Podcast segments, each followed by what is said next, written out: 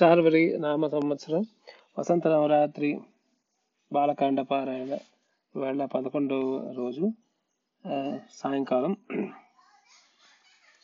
డెబ్భై మూడవ సరుకు నుంచి పారాయణ ప్రారంభం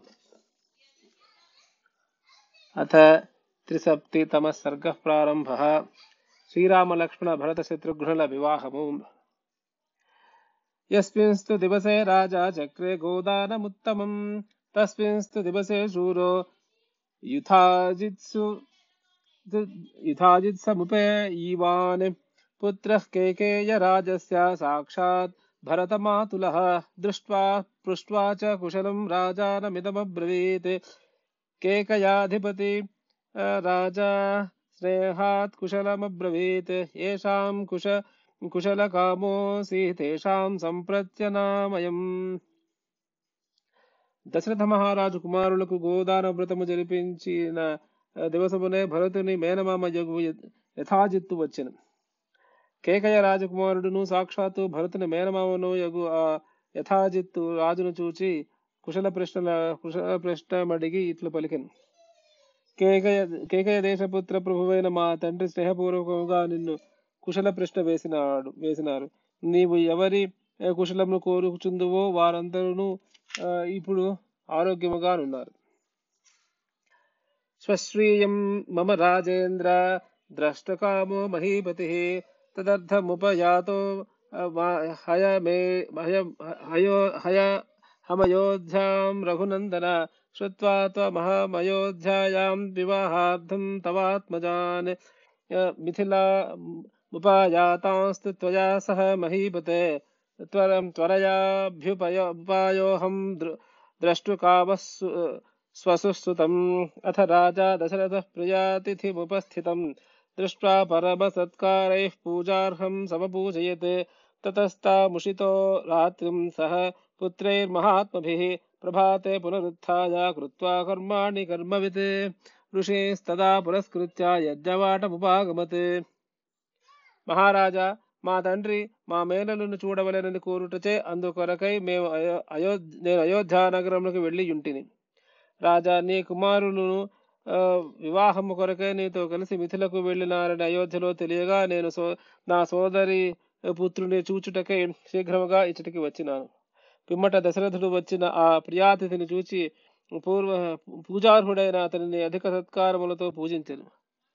కర్మవేత్త అయిన దశరథుడు మహాత్ముడైన పుత్రులతో ఆ రాత్రి గడిపి ప్రాతకాలమున లేచి కర్మలు ఆచరించి ఆ ఋషులను ముందుడుకొని యజ్ఞవాటమును చేరను యుక్తే ముహూర్తే విజయే సర్వాభరణ భూషిత భూషితై భ్రాతృభిः సహితో రామः కృతకౌతుక మంగళः వసిష్ఠం పురతः కృత్వా మహర్షి నపరానపి పితः సమీపమాశ్రిత్య తస్థో భ్రాతుభిరావృతः వశిష్ఠో భగవానేత్య వైదేహమిదమబ్రవీత్ రాజా దశరథౌ రాజన్ कृतकौतुकमङ्गलैः पुत्र पुत्रैर्नव पुत्रैर्नव नरवरश्रेष्ठ दातारमभिकाङ्क्षते స్వల సర్వాలంకారముచే అలంకృతుడై అలంకృతులైన సోదరులతో కూడిన రాముడు విజయమనడి యుక్తమైన ముహూర్తమునందు తోర తోరము కట్టు కట్టుట మొదలగు వివాహ మంగళమును జరుపుకుని వశిష్ఠాది మహర్షులు ముందుడుకుని సోదర సహితుడై తండ్రి వద్దకు చేరాను. వశిష్ఠ మహాముని జనకుని వద్దకు వెళ్ళి ఇట్లు చెప్పాను. నరోత్తములలో ఉత్తముడవైన జనక మహారాజా దశరథ మహారాజు కుమారులు కౌతుక మంగళము పూర్తి చేసి కన్యాదాత వైన నీ కొరకు ఎదురు చూచున్నాడు तात्र प्रतिगृहीतृभ्यां सर्वार्थाः प्रभवन्ति हि स्वधर्मं प्रतिपद्यस्व कृता वैवाह्यमुत्तमम्। इत्युक्तः परमोदारो वसिष्ठेन महात्मना प्रत्युवाच महातेजा वाक्यं परमधर्मवित्। कस्थितः प्रतिह प्रतिहारो मे, कस्वाज्ञा सम्प्रतीक्ष्यते सम्प्रतीक्षते स्वगृहे को विचारोऽस्ति, यथा राज्यमिदं तव। इति పనులు దాత ప్రతిగ్రహీత ఇరువురు కలిసినప్పుడే జరుగును. ఉత్తమమైన వివాహ వివాహమును చేసి స్వధర్మమును ఆచరించుము. పరమౌదార్యవంతుడును మహా తేజస్శాలియు పరమ ధర్మవేత్తయు అగు జనకుడు వశిష్ఠుని మాటలు విని ఇట్లు పలికెను. ద్వారము వద్ద అడ్డగించు ద్వారపాలకుడు ఎవడైనా ఉన్నాడా? లోనికి ఏలా రాకూడదు. ఎవరి ఎవరి ఆజ్ఞకి ఎదురు చూచుచున్నారు స్వగృహంలో సంకోచం ఎందుకు? ఈ రాజ్యము కూడా మీ రాజ్యం వంటిదే. कृतकौतुकसर्वस्ववेदिमूलामुपा मम कन्या मुनिश्रेष्ठा दीप्ता वह्नेरिवार्चिषः। स सज्जोऽहं त्वत्प्रीति त्वत्प्रीतिक्षोऽस्मि वेद्यामस्यां प्रतिष्ठितः। अविघ्नं कुरुतान् राजा किमर्थमवलम्बते?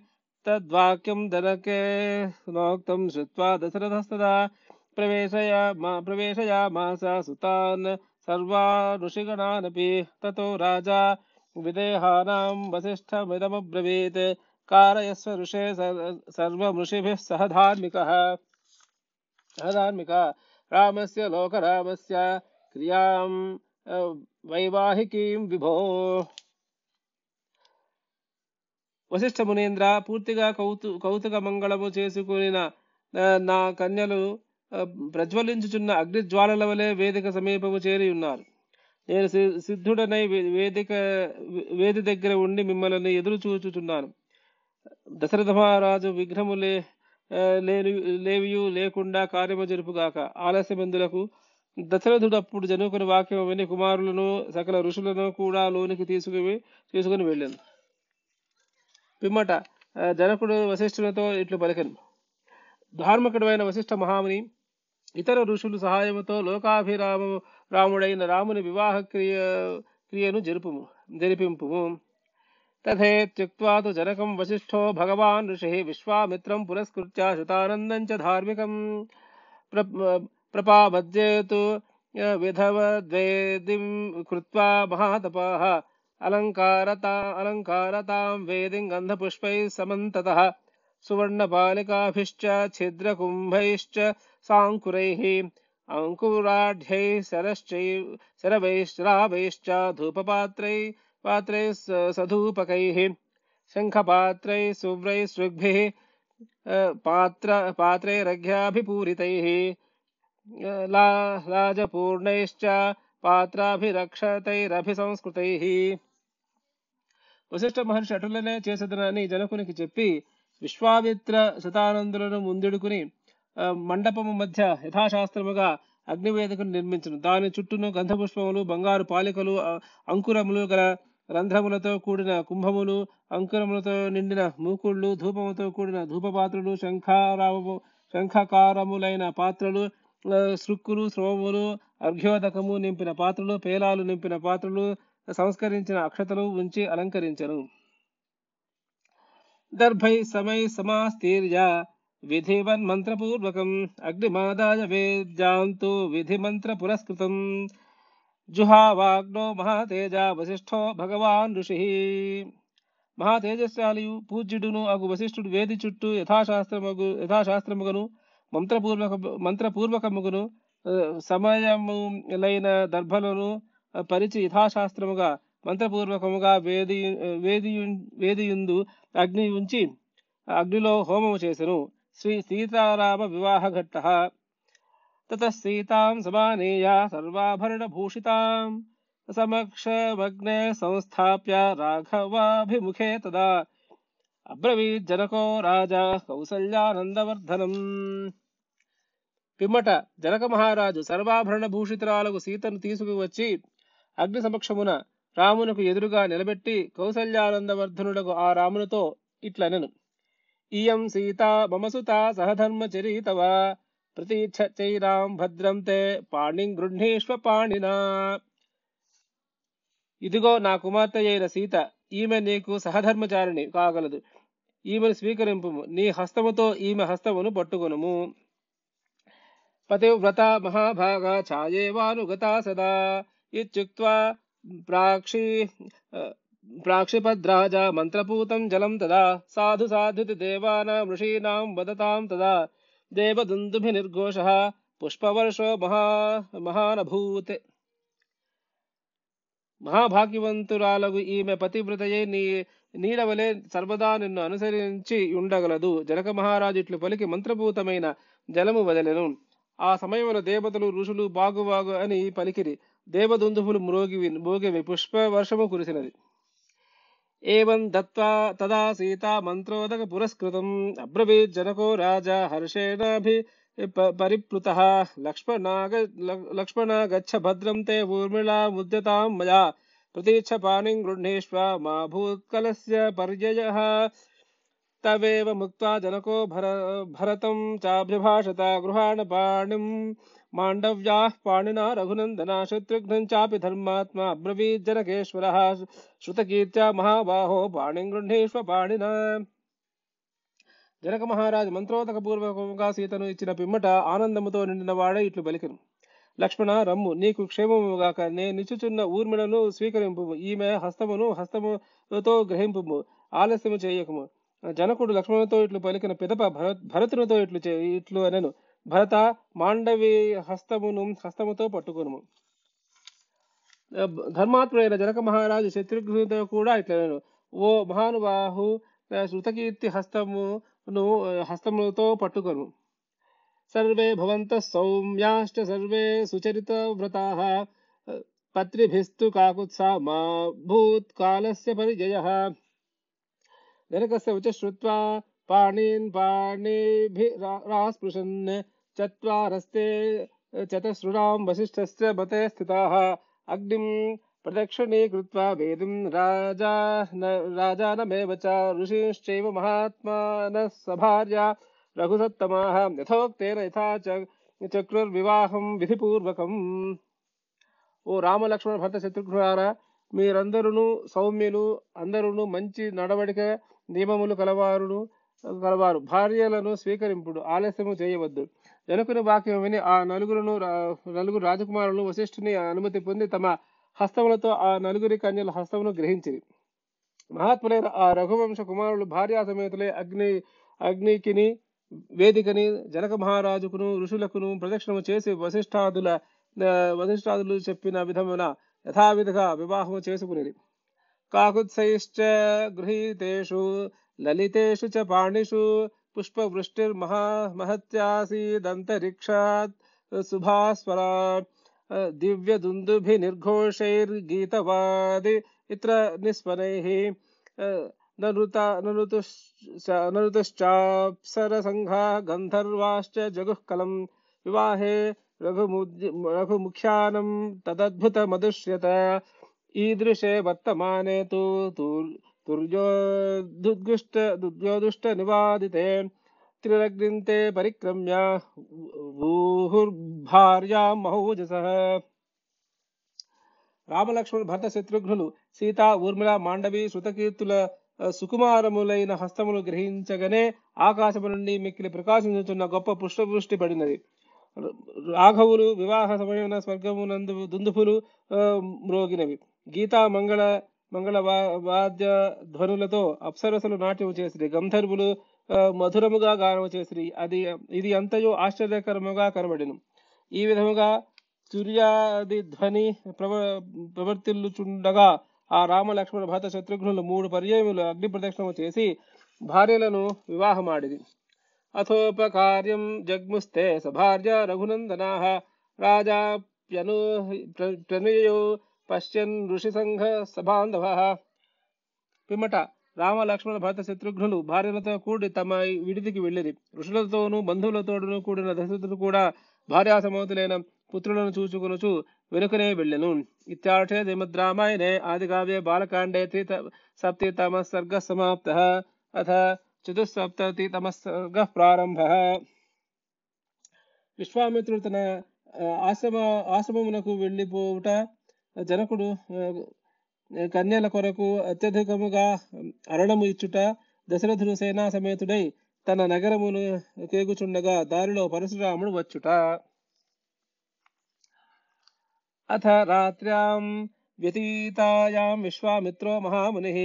ఆ ఆపృష్ట్వా చ రాజానో జగామోత్తర పర్వతం ఆశీర్భిः పూరయిత్వా చ स राघवान् विश्वामित्रे गते राजा वैदेहं मिथिलाधिपम् आपृष्ट्वाथ जगामाशु राजा दशरथः पुरीं।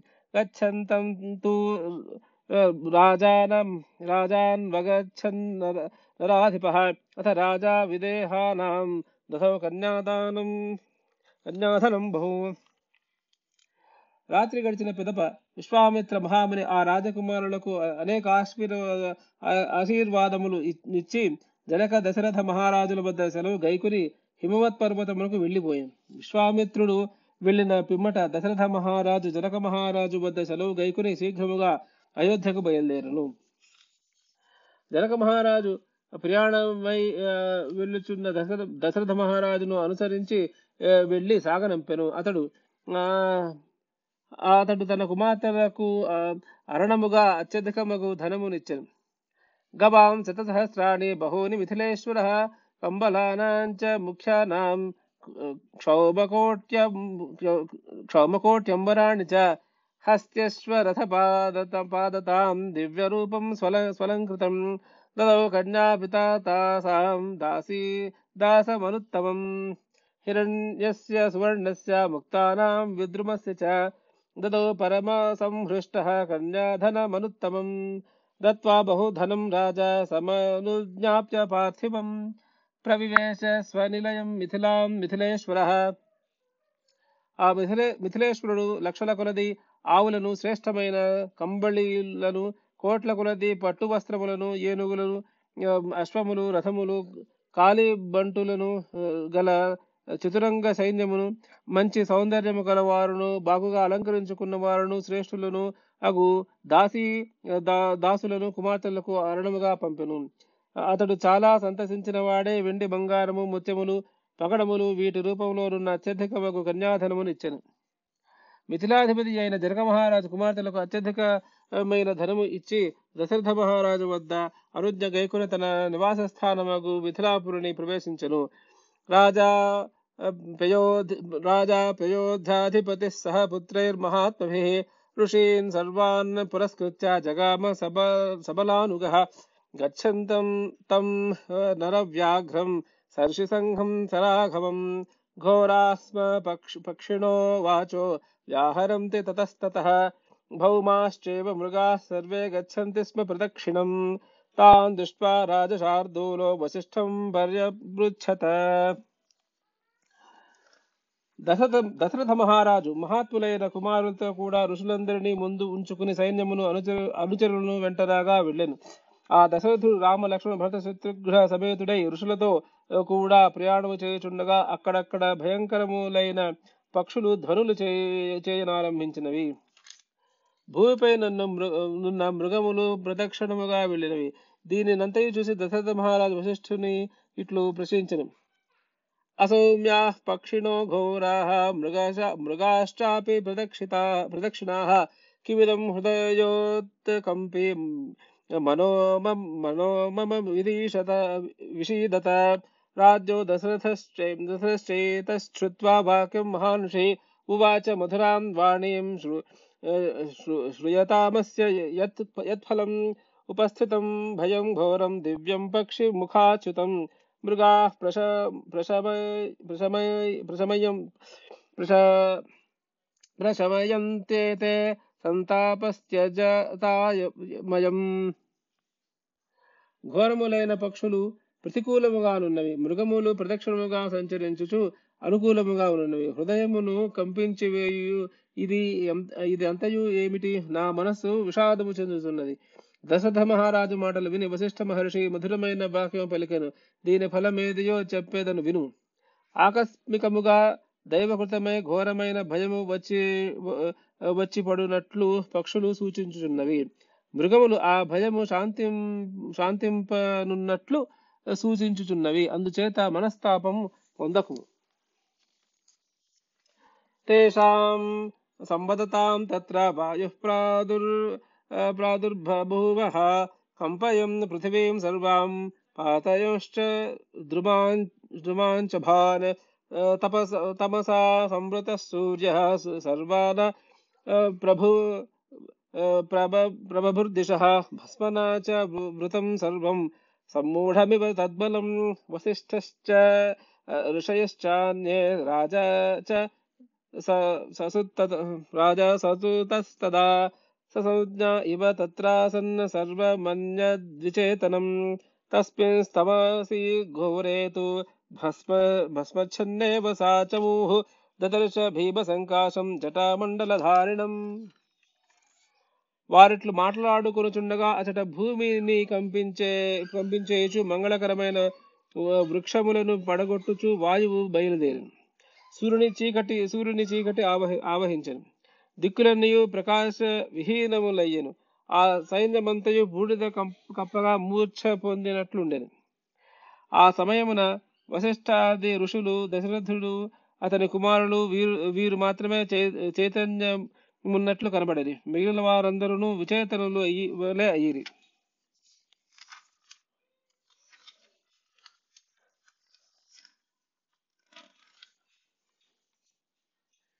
भार्गवं जामदग्निन्तं राजराजविमर्दिनम् कैलासमिव दुर्धर्षं कालाग्निमिव दुस्सहं ज्वलन्तमिव तेजोभिर्दुर्निरीक्ष्यं पृथ पृथ, पृथगज्जनैः, पृथग्जनैः स्कन्धे चासस्य परशुं धनुर्विद्युद्गणोपं प्रगृह्य शरमुख्यं च त्रिपुरघ्नं यथाशिवम् ఆ ఘోరమైన అంధకారములో బూడిద కప్పినట్లు ఆ సైన్యము జటామండలమును ధరించిన వాడును భయంకరుడును భయం రాజులను సంహరించిన వాడును అగు పరశురామును చూచెను. అతడు కైలాసము వలె ఎదిరింప శక్యము కానివాడై ప్రళయ ప్రళయ కాలాగ్ని వలె సంప శక్యము కానివాడై ఉండెను. తేజస్సులచే మండుచున్నట్లు అతనిని సామాన్య జనులు చూడజాలకుండిది గండ్రగొడ్డలిని భుజముపై విరలా- విరలా- వ్రేలాడదీసుకుని మెరుపుల గుంపు వంటి ధనస్సును శ్రేష్టమైన శరమును చేతులలో ధరించి త్రిపుర త్రిపుర సంహారము చేయు శివుడి వలె నుండెను. తం దృష్ట్వా భీమ సంకాశం జ్వలంతమివ భావకం వశిష్ఠ ప్రముఖా విప్రా జపహోమ సంగతా మునయ సర్వే సంజల్పు రథో మిథి మిథః. ప్రజ్వల్ ప్రజ్వలిల్చున్న అగ్ని వలె భయంకరముగానున్న అతడిని చూసి జప హోమాది పరాయణులను శాంత స్వభావులను అగు వశిష్ఠ వశిష్ఠాది మునులందరూ కలిసి పరస్పరము ఇట్లనుకున్నది కచ్చిత్ పితృవధా మర్షి క్షత్రం నోత్స నోత్సాదయిష్యతి పూర్వం క్షత్రవధం కృత్వా గతమన్యుర్గత జ్వర క్షత్రస్యోత్సాదనం భయో భూయో న ఖల్వస్య చీకీర్షితం ఏమముక్త్వార్ఘ్యమాదాయ భార్గవం భీమదర్శనం ఋషయో రామ రామేతి వచో మధురమబ్రువన్ ప్రతిగృహ్యతు తాం పూజా మృషి మృషిద మృషిదత్తాం ప్రతాపవాన్ రామం దశరథం దాశరథం రామో జామాద్యో జామా జామదగ్జోభ్యభాషత కార్తవీర్యార్జునుడు ఆ, ఆ, తండ్రిని చంపుటచే కోపించిన ఇతర క్షత్రియ జాతిని నశింపజేయుడు నశింపజేయుడు కదా. పూర్వము క్షత్రియ వధ చేసి కోపతాపములు తగ్గి శాంతించిన ఇతడు మరల క్షత్రియ వంశ వినాశమును వినాశమునకు పూనుకున్న పూనుకొను పూనుకొనునా? ఋషులు తమతో తమతో తాము ఈ విధముగా మాట్లాడుకుని భయంకర భయంకరుడుగా కనబడుచున్న ఆ పరశురామునకే అర్ఘ్యము గ్రహించి రామ రామ అని మధురముగా పిలిచి పూజించిరి. ప్రతాపవంతుడైన ఆ పరశురాముడు ఋషులను ఋషులు సమర్పించిన పూజను ఆ పూజను స్వీకరించి దశరథుని కుమారుడు రామునితో ఇట్లను. ఇత్యాశయ శ్రీమద్ రామాయణ ఆది కావ్య బాలకాండే చతుస్సప్త సప్తతితమ సర్గ సమాప్త. అథ పంచసప్తతితమ సర్గ ప్రారంభ. దశరథుని మాటలు మాటలను లక్ష్యం చేయక పరశురాముడు శ్రీరాములతో నీవి వైష్ణవ ధనస్సుపై బాణసంధానము చేయుము అని పలుకుట. राम दासरथे राम वीर्यं ते श्रूयतेऽद्भुतं धनुषो भेदनं चैव निखिलेन मया श्रुतं तदद्भुतमचिन्त्यं च भेदनं धनुष धनुषस्त्वया। तच्छ्रुत्वा तच्छ्रुत्वाह मनुप्राप्तो धनुगृहगृह्यापरं शुभं तदिदं घोरसङ्काशं जामदग्निं महद्धनुः महद्धनुः पूर्व पूरयस्व। शरेणेन स्वबलं दर्शयस्व च। రామ రామ నీ పరాక్రమము అత్యద్భుతమైనదని వినుచున్నాము. శివధనుర్భంగమును గూర్చి కూడా పూర్తిగా వినియున్నాము. నీవు శివుని విల్లు విరచుట చాలా ఆశ్చర్యకరమైనది ఊహింపరానిది. ఆ వార్త విని నేను మరొక శుభమైన విల్లు తీసుకుని వచ్చినాను. ఘోరమైనది జమదగ్ని ద్వారా లభించినది అగు అట్టి మహా ఈ మహాధనుసును ఎక్కుబెట్టే ఎక్కుబెట్టి బాణముచే పూరించి నీ బలమును చూపుము. तदहन्ते बलं दृष्ट्वा धनुषोऽस्य प्रपूरणे, द्वन्द्वयुद्धं प्रदास्यामि। वीर्यश्लाघनस्य राघव, तस्य तद्वचनं श्रुत्वा राजा दशरथस्तदा विषण्णवदनो धीरः प्राञ्जलिर्वाक्यमब्रवीत् क्षत्ररोषात् प्रशान्तस्त्वं ब्राह्मणश्च महायशाः। बालानां मम पुत्राणामभयं दातुमर्हसि। भार्गवाणां कुले जातः स्वाध्याय व्रतशालिनां सहस्राक्षे प्रतिज्ञया शास्त्र शस्त्रं निक्षिप् నిక్షిప్తవానసి రామ ఈ ధనస్సు పూరించినచో అప్పుడు నీ బలమును చూచి వీర్యము చే శ్లాఘింపదగిన నీతో ద్వంద్వయుద్ధము చేయగలను అప్పుడు దశరథ మహారాజు అతని మాటలు విని వాడిపోయిన ముఖంతో తీరుండై చేతులు జోడించి ఇట్లు పలికను గొప్ప యశస్సు గలవాడువు బ్రాహ్మణుడు అయిన నీవు క్షత్రియులపై ఉన్న కోపం తొలగి శాంత శాంతుడుగా ఉన్నావు కదా. ఇప్పుడు బాలులైన నా కుమారులకు అభయం అభయమిమ్ము. నీవు స్వాధ్యాయమునందు తదితర వ్రతమునందును ఆసక్తుల ఆసక్తులైన భృగువంశీయుల కులమునందు పుట్టినావు. దేవేంద్రుని ముందు ప్రతిజ్ఞ చేసి శస్త్రమును విడిచితివి. సత్వం ధర్మపరో భూత్వా కాశ్యపాయ వసు వసుంధరాం దత్వా వనముపాగమ్య మహేంద్ర కృతకేతన. మమ సర్వ వినాశాయ సంప్రాప్త్యం మహామునే న చైకస్మిన్ మహతే రామే సర్వే జీవామహే వయం బ్రువతేవం ద- దశరథే జానదగ్య ప్రతాపవాన్ అనాదృత్యైవ తద్వాక్యం రామమేవాభ్యభాషత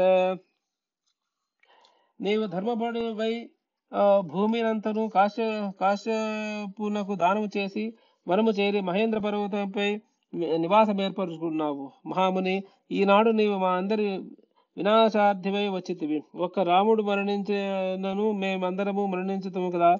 దశరథుడు ఈ విధముగా మాట్లాడుచుండగా ప్రతాపవంతుడైన పరశురాముడు అతని మాటలు లెక్క చేయకుండా రామునితో మాత్రమే ఇట్లు పలికింది. ఇమే ద్వే ధనుషి శ్రేష్ఠే దివ్యే లోకాభివిష్ణుతే దృఢే బలవతి ముఖ్యే సుకృతే విశ్వకర్మణ అతి అతి అతిసృష్టం సురైరేకం త్రయంబకాయ ఆ, యయుత్సవే యయుత్సవే త్రిపురఘ్నం నరశ్రేష్ఠ భగ్నం కాకుత్స యత్వయా ఇదం ద్వితీయం ఆ, దుర్ధర్షం విష్ణోరద్ధ విష్ణోర్దత్తం సోత్తమైః తదిదం వైష్ణవం రామ ధనుః పరమ భాస్వరం సమాన సారం కాకుత్స రౌద్రేణ ధనుషా త్వి- తద్- త్విదం ఈ రెండు ధనస్సులను శ్రేష్టమైనవి దేవలోకమునకు సంబంధించినవి లోకములలో ప్రసిద్ధి పొందినవి. దృఢమైన దృఢమైనవి బలమైనవి ప్రధానమైనవి. విశ్వకర్మ వీటిని బాగుగా నిర్మించను. నరశ్రేష్ఠుడమైన రామ వాటిలో ఒక ధనస్సును దేవతలు యుద్ధము చేయ గోరుచున్న ఈశ్వరునికి ఇచ్చిరి. త్రిపుర వినాశక మగు దానినే నీవు విరిచితి ఎదిరింప రాని ఈ రెండవ ధనస్సును దేవతలు విష్ణువునకిచ్చినారు. రామ అటు ఈ మిక్కిలి ప్రకాశించుచున్న ధనస్సును విష్ణువునకు సంబంధించినది ఇది శివధనస్సుతో సమానమై మైన సారము గలది దేవతా సర్వాः పృచ్చంతి స్మ పితామహం సితికంఠస్య విష్ణోశ్చ బల బలాబల నిరీక్షయా అభిప్రాయం తు విజ్ఞాయ దేవతానాం పితామహ విరోధం జనమా జనయామాస తయో సత్యవతాం వరః విరోధే చ మహద్ మహద్యుద్ధ మభద్రోమహర్షణం సితికంఠస్య విష్ణోశ్చ పరస్పర జిగీ జిగీషణోः తదా తు జృంభితం శైవం ధనుర్భీమ పరాక్రమం హుంకారేణ మహాదేవः స్తంభితోథ త్రిలోచనః అప్పుడు దేవతలందరూ విష్ణు శివ విష్ణువుల బలాబలమును తెలుసుకున్న ఆ, గోరి గోరి బ్రహ్మను అడిగితిరి. సత్యవంతులలో గొప్పవాడు బ్రహ్మదేవుడు దేవతల అభిప్రాయం తెలుసుకుని వారిద్దరికి విరోధము కల్పించను. విరోధము కలుగుగా పరస్పరము జయింపవలననే కోరుచున్న శివునకు విష్ణువునకు గొప్ప భయంకరమగు యుద్ధము జరిగింది అప్పుడు విష్ణువు హుంకారము చేయగా బ్రహ్మ భయంకరమైన పరాక్రమము గల ఆ శివధనుసు జా- జాడ జాడ జాడ మైపోయినది. ఈ త్రిలోచనుడు కూడా కదలలేకపోయిన. देवैस्तदा समागम्य सर्षिसङ्घैः सचारणैः याचितौ प्रशमं तत्र जग्मुस्तुस्तौ सुरोत्तम जृम्भितं दद्धि दद्धनुर्दृष्ट्वा शैवं विष्णुपराक्रमैः, अधिकं मेनिरे विष्णुः, विष्णुं देवाः सर्षिगणास्तथा धनुरुदस्तु संक्रुद्धो विदेहेषु महायशाः देवरातस्य राजर्, राजर्दे రాజర్ రాజర్దే హస్తే సహాయకం ఇదం చ వైష్ణవం రామధను పురపుంజయం ఋషి ఋషికే భార్గవే ప్ర ప్రదా స జ్ఞాసముత్తమం అప్పుడు దేవతలు ఋషులు చారులు వచ్చి ప్రార్థింపగా ఆ దేవతా శ్రేష్ఠులిరువురు శాంతించిరి. విష్ణు పరాక్రమముచే ఆ శివధనుస్సు జాడ జాడమైపోవుట చూచి దేవతలను ఋషిగణములు ఋషిగణములను విష్ణు విష్ణువే అధికుడని తెలుసుకునేది. మహా యశస్సు గల రుద్రుడు కోపించి బాణసహితమైన ఆ ధనస్సును విదేహ దేశములో దేవరాతుడను రాజర్షి చేతికి ఇచ్చివేశాను రామ శత్రుపుర వినాశకమగు తన ధనస్సును విష్ణువు భృగువంశమునకు చెందిన ఋషికుని వద్దకు వద్ద ఉత్తమమైన న్యాసముగా న్యాసమునుగా ఇచ్చాను. उचीकस्तु महातेजाः पुत्रस्या प्रतिकर्मणः पितुर्मम ददौ दिव्यं जमदग्नेर्महात्मनः। यस्तशस्त्रे पितरिमे तपोबलसमन्विते अर्जुन विदधे वृत्तिं प्राकृतां बुद्धिमास्थितः। वधमप्रतिरूपं तु पितुः श्रुत्वा सुदारुणं क्षत्रि, क्षत्रमुत्सादनो। శ్రుత్వా సుదారుణం క్షత్రి క్షత్రముత్సాదనో ము- ము- ముత్సాదయన్రోష జాతం జాతం అనేకశः పృథివీం చాఖిలాం ప్రాప్య కాశ్యపాయ మహాత్మనే యజ్ఞస్- యజ్ఞస్యాంతే తదా రామ దక్షిణాం పుణ్యకర్మణే దత్వా మహేంద్ర నిలయస్త తపోబల సమన్వితః మహా తేజస్శాలియగు రుచికుడు దానిని సాటిలేని కర్మ కలవాడును మహాత్ముడును ఆ, తన కుమారుడును నా తండ్రియు అగు జమ జమదగ్నికిచ్చెను ఆ, తపోబల సమన్వితుడకు నా తండ్రి అస్త్ర సన్యాసము చేసి ఉన్నప్పుడు కార్తవీర్యార్జునుడు పా పామర బుద్ధి కలవాడే అతనిని చంపారు చాలా దారుణము క్రౌర్యము సాటి లేనిది అగు నా తండ్రి వసన కూర్చి విన్న నేను రోషముతో అనేక పర్యాములు క్షత్రియ జాతికి చెందిన ప్రతి ఒక్కరిని పుట్టిన వాడిని పుట్టైనట్లుగానే సంహరించి ఈ భూమినంతయు జయించి యజ్ఞాంతమునందు మహాత్ముడును పుణ్యకర్మ గలవాడును అగు కశ్యపునకు దానము చేసి తిని పిదప తపోబల సమన్వితుడైన మహేంద్ర పర్వతముపై నివసించుచున్నాను. అజ్జత తూత్తమ వీర్యేణ త్వయా రామ మహాబల శృతవాన్ ధనుషో భేదం తత్రోహం ధృతమాగత. తదిదం వైష్ణవం రామ పితృపైతామహం మహత్. క్షత్రధర్మం పురస్కృత్య గృ- గృహ్ణేష్వ ధనుత్తమం योजयस्व धनुश्रेष्ठे शरं पुरपुञ्जयं यदि शक्नोसि काकुत्स ద్వంద్వం దాస్యామి తే తతః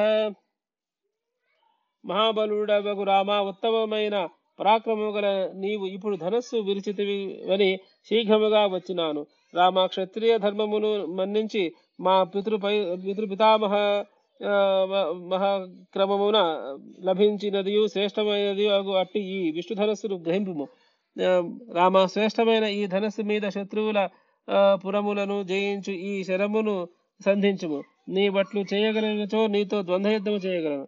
ఇత్యార్షే శ్రీమద్ రామాయణ ఆది కావ్య బాలకాండే పంచసప్తతితమ సర్గ సమాప్త అథ స- షట్సప్తతితమ సర్గ ప్రారంభ.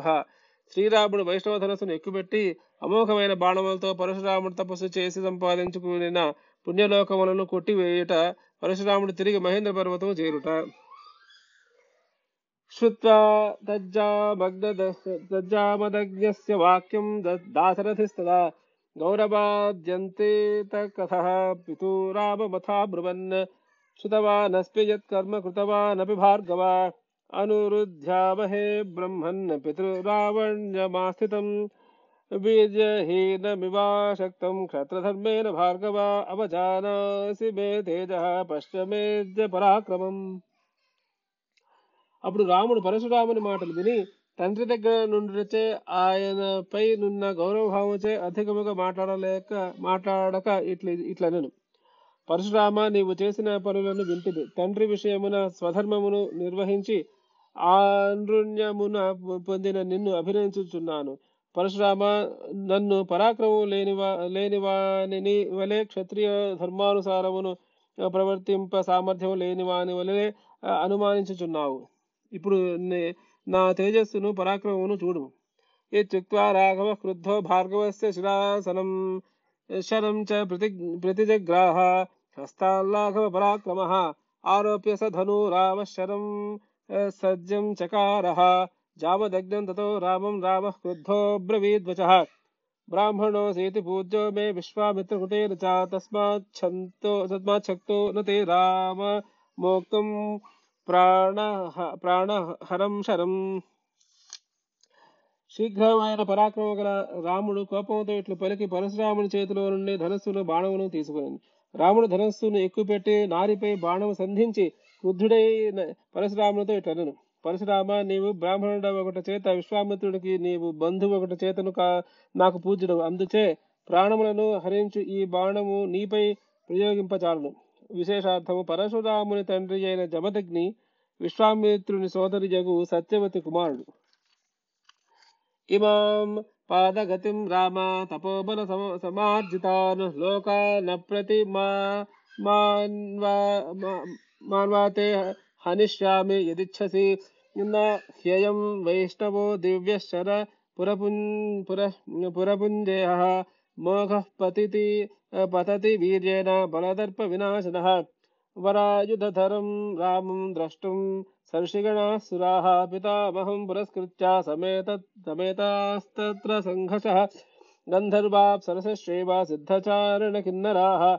यक्षराक्षसनागाश्च तद्द्रष्टुं महदद्भुतम्।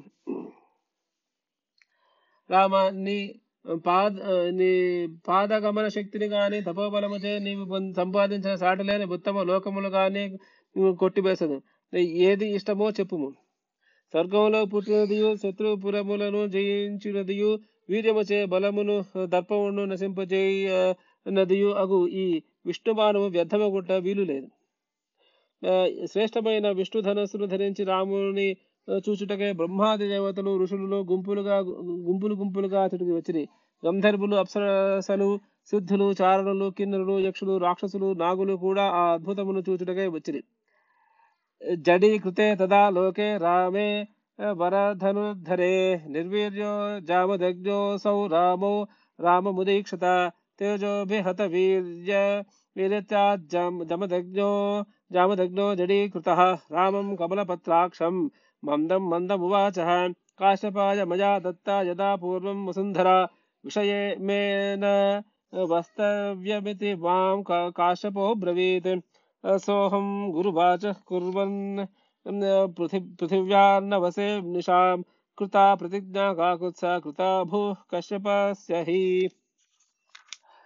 రాముడు ఆ శ్రేష్టమైన ధనస్సును ఎక్కుపెట్టగానే పరశురాముడు నిర్వీర్యుడయ్యను లోకమంతయు స్తంభించిపోయెను అప్పుడు ఆ పరశురాముడు రాముని సాశ్చర్యముగా చూచెను. రాముని తేజస్సుచే పరాక్రమము అణిగిపోయి జడుడైన పరశురాముడు పద్మపత్రాక్షుడైన రామునితో మెల్లమెల్లగా ఇట్లు పలికెను. నేను పూర్వం ఈ భూమినంతయు కా- కాశ్యపునకు ఇచ్చినాను. నీవు నా దేశంలో నివసించకూడదు అని కాశ్యపుడు నన్ను ఆదేశించను. రామ ఈ భూమిని కాశ్యపునకు దానము చేసి ఆయన కోరిన విధంగా ఇచ్చట నివసించనని ప్రతిజ్ఞ చేసింది గురువైన ఆ కాశ్యపుని మాటను అనుసరించి నేను రాత్రి ఈ భూమిపై నివసించను. తదిమాంత్వం గతిం వీర హంతుం నార్హసి రాఘవ మనోజవం గమిష్యామి మహేంద్రం పర్వతోత్తమం లోకాస్త ప్రతిమా రామ నిర్జితాస్తపసా మయా జహితాన్ శరముఖ్యేన మా భూత్కా మా- భూత్కాలస్య పర్యయ అక్షయ్యం మధుహంతారం జానామి త్వాం సురేశ్వరం ధనుషోస్య పరా వర్షాస్వస్తి తే- తేస్తు పరం తప కావున పరాక్రమశాలయగు రామ నీవు నా గమన శక్తిని కొట్టవద్దు మనోవేగముతో మహేంద్ర పర్వతముతో వెళ్ళిపోయేదను. రామ నేను తపస్సు చేత జయించిన ఉత్తమ లోకములను ఈ బాణముచే కొట్టుము. కాల విలంబము చేయవద్దు.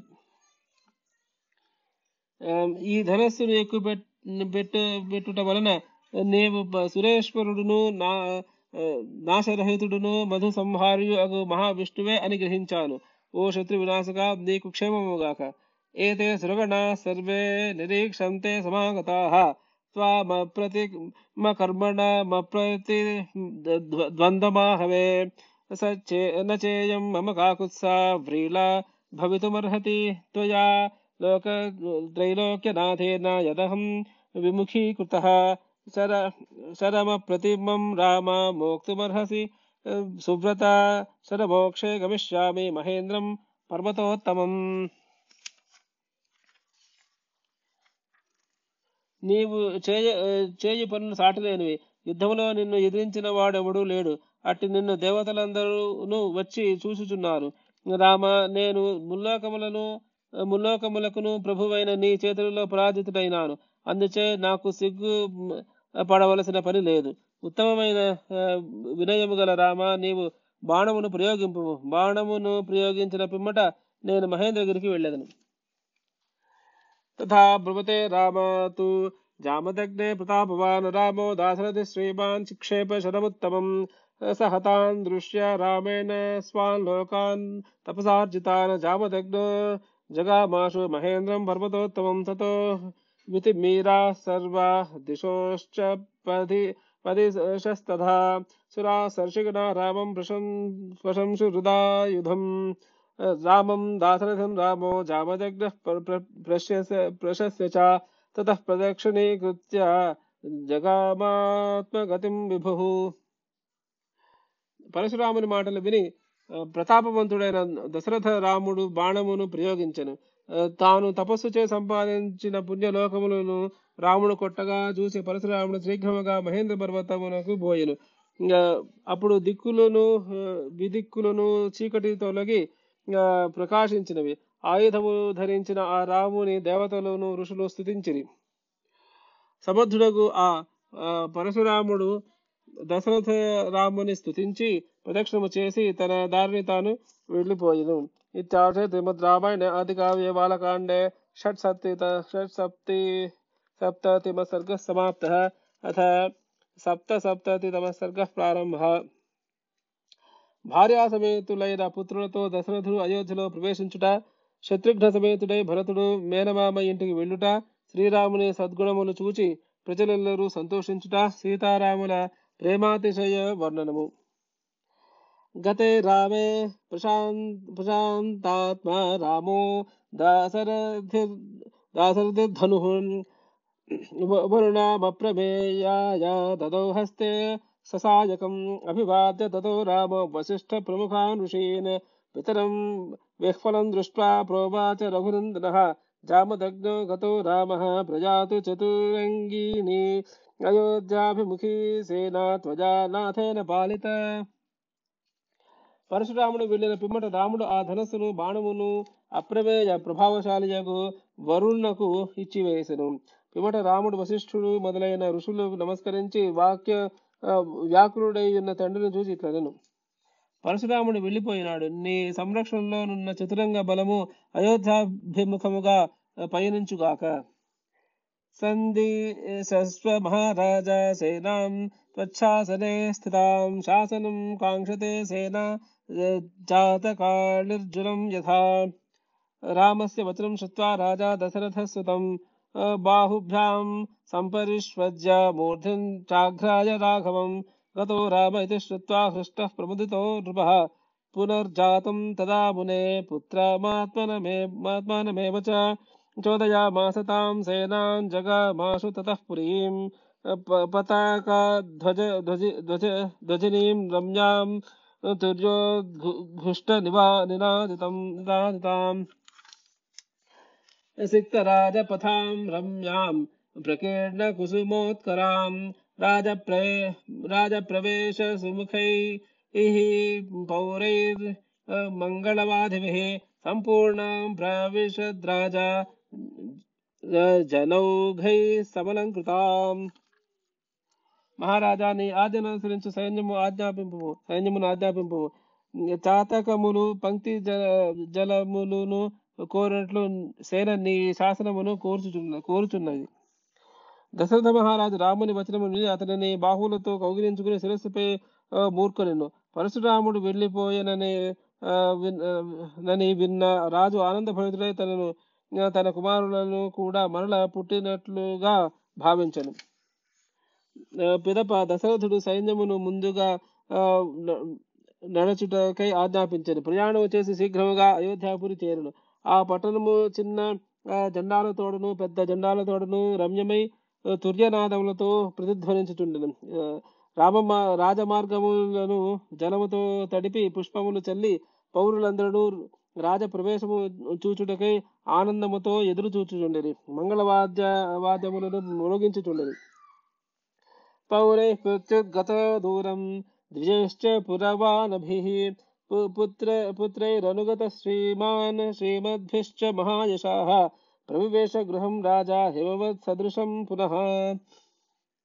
శ్రీమంతుడును మహాయశస్వియు అగు ఆ దశరథుడి శ్రీమంతుడు శ్రీమంతులకు పుత్రులు అనుసరించి వెళ్ళిరి. పౌరులను పురమునందలి బ్రాహ్మణులను దూరము నుండి ఎదురు వచ్చి స్వాగతం చెప్పింది ఈ విధముగా అయోధ్య నగరమును ప్రవేశించి ప్రవేశించి అతడు హిమవత్ పర్వతములో సమానమైన గృహమును ప్రవేశించను.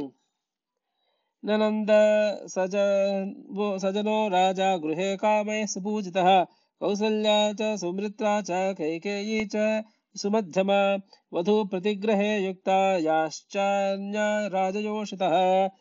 తత సీతా మహాభాగా మూర్మిళాంచ యశస్వినీం కుశధ్వజ సుతే చోభే జగ్నుర్ జగృహుర్నృపత్నయ అంత రాజభార్యుల మహాభాగ్యవతి యగు సీతను కీర్తిమంతురాలగు ఆ, ఊర్మిళను మాండవి శృతకీర్తులను గ్రహించి గ్రహించిరి మంగళ మ- మంగ మంగళ लम्भनैश्चापि शोभिता क्षौम वाससः देवतायतनान्यासु सर्वास्ताः प्रत्यपूजयन्। अभिवाद्याभिवाद्यांश्च सर्वा राजसुतस्तदा स्वं स्वं गृहमाथा साध्या कुबेरभवनोपमम् गोभिर्धनैश्च धान्यैश्च तर्पयित्वा द्विजोत्तमान्। रेमिरे मुदिताः सर्वा भर्तृभिः सहितारः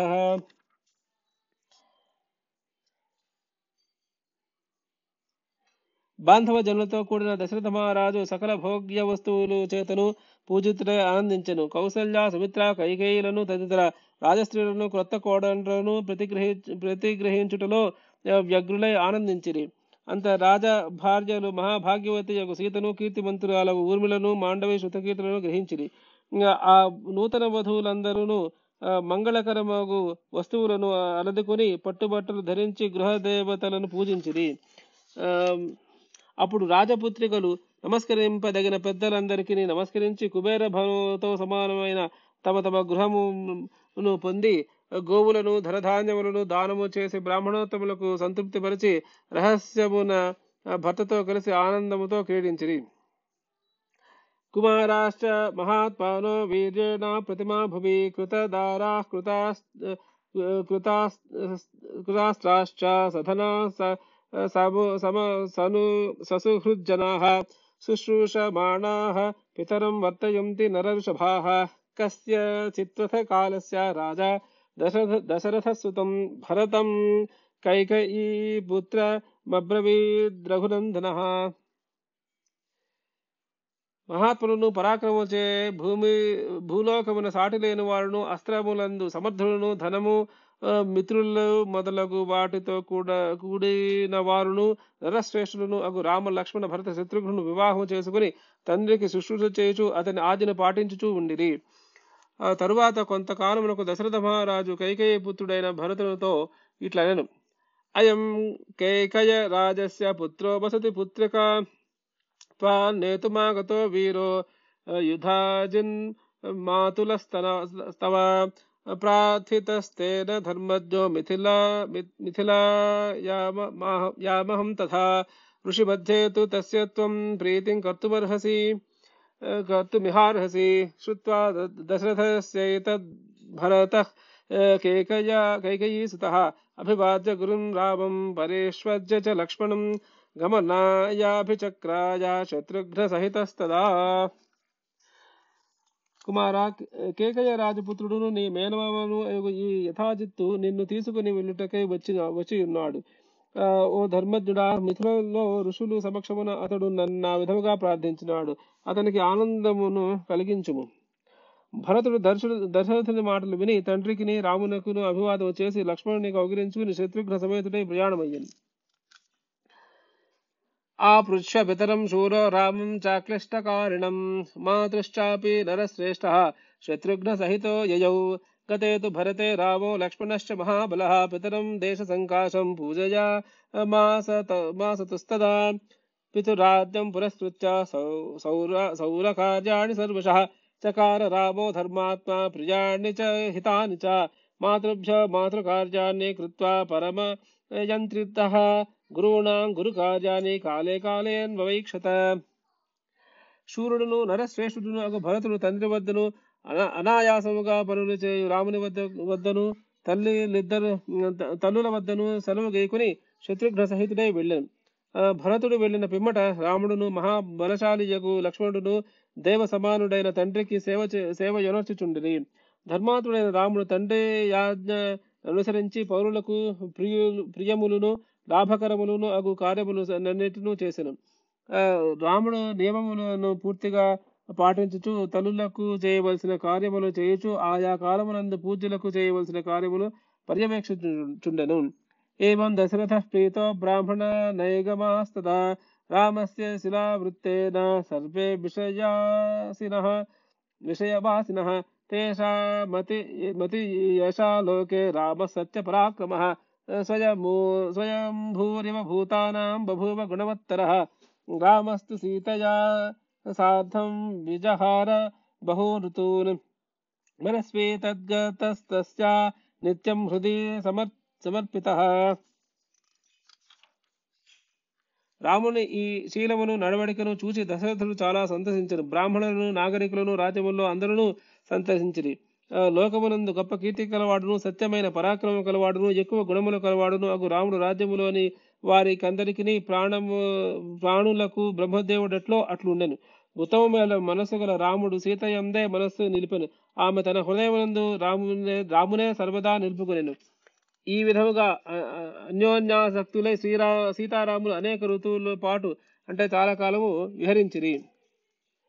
प्रिया तो तु सीतारामस्य दाराः पितृकृता इति गुणा दृपगुणा चापि प्रीतिर्भूयोऽभ्यवर्धत तस्याश्च भर्ता द्विगुणं हृदये परिवर्तते, अन्तर्जातमसि व्यक्तमाख्याति हृदयं हृदा, तस्य भयो विशेषेण मैथिली जनकात्मदा देवताभिः समारूपे सीता श्रीरिव रूपिणी శ్రీరివ రూపిణీ తయా స రాజర్షి సుతోభిరామయ సమేయవానుత్తమ రాజకన్యయా అతీవ రామ శుశుభే ముదాన్వితో విభుశ్రియా విష్ణురివామరేశ్వర.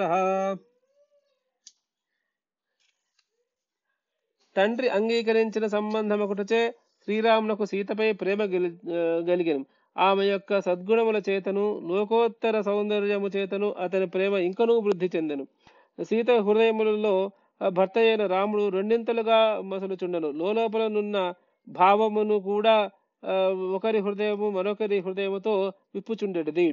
అంటే ఇక్కడ విశేషంగా తండ్రి అంగీకరించి చేసిన సంబంధం ఒకట చేతను ఆమెకు గల రూప సద్గుణాదుల చేతను రామునకు సీతపై గాఢానురాగము కలుగగా సీతకు మాత్రము అట్టి బాహ్య నిమిత్తములతో పని లేకుండగా భర్తజను ఒక్క కారణము చేతనే రామునిపై రెట్టింపు ప్రేమ ఉండేటిది ఆ ప్రేమ ఎంత ఉత్కృష్టమైనదనగా వారిరువురును నోటితో కాక హృదయములతోడనే మాట్లాడుకునేడు వారు. ఒకరి హృదయములోనున్న భావము నొకరు అనాయాసముగా గ్రహించి తదనుగుణంగా ప్రవర్తించుచుండెడి వారు. సౌందర్యమున దేవతాస్త్రీ వలె నున్నదియు లక్ష్మి వలె అపూర్వ సౌందర్యము గలదియు ఆ రూపము దాల్చిన లక్ష్మి వలయనున్నదియు మిథిలా నగర సంజాతయు జనకుని కుమార్తెయు అగు సీత రాముని హృదయములో ఇంకనూ ఎక్కువగా మస మసలుచుండెను. సీతపై రామునకున్న ప్రేమకు రెట్టింపు రెట్టింపు సీ ప్రేమ సీతకు రామునిపై ఉండెను. రామునిపై సీతకున్న ప్రేమ ప్రేమకు రెట్టింపు ప్రేమ రామునకు సీతపై ఉండెను. వారి ప్రేమను కురుచుటకు గాని ఎవరికి ఎవరిపై ఎక్కువ ప్రేమయో చెప్పుటకు గాని సాధన మేదియు లేదని భావము. దశరథ మహారాజ పుత్రుడైన రాముడు జనక మహారాజ పుత్రియు మనోహరురాలు అగు సీత సీతతో కలిసిన వాడే ఆనందించుచు లక్ష్మితో కూడిన అమరాధీశ్వరుడైన మహావిష్ణువు వలె ప్రకాశించను. इत्यार्षे श्रीमद्रामायणे आदिकाव्ये श्रीमद्वाल्मीकिये चतुर्विंशसहस्र सहस्रिकायां संहितायां बालकाण्डे सप्तसप्ततितमः सर्गः समाप्तः బాలకాండ సమాప్త ఇది శ్రీ ఆచార్య పుల్లెల శ్రీరామచంద్రుడు రచించిన బాలానందినిజను శ్రీమద్ రామాయణాంధ్ర వ్యాఖ్యానమునందు బాలకాండములో డెబ్బది డెబ్బది ఏడవ సర్గ సమాప్తం బాలకాండ సమాప్తం. స్వస్తి ప్రజాభ్య పరిపాలయంతాం. న్యాయేన మార్గేణ మహీ మహేషా గోబ్రాహ్మణేభ్య శుభమస్తు నిత్యం. లోకా సమస్త సుఖినో భవంతు. ఇద్దరితో బాలకాండ పారాయణ పూర్తయింది. తర్వాత సుందరకాండ పారాయణ వైశాఖ మాసంలో ప్రారంభం.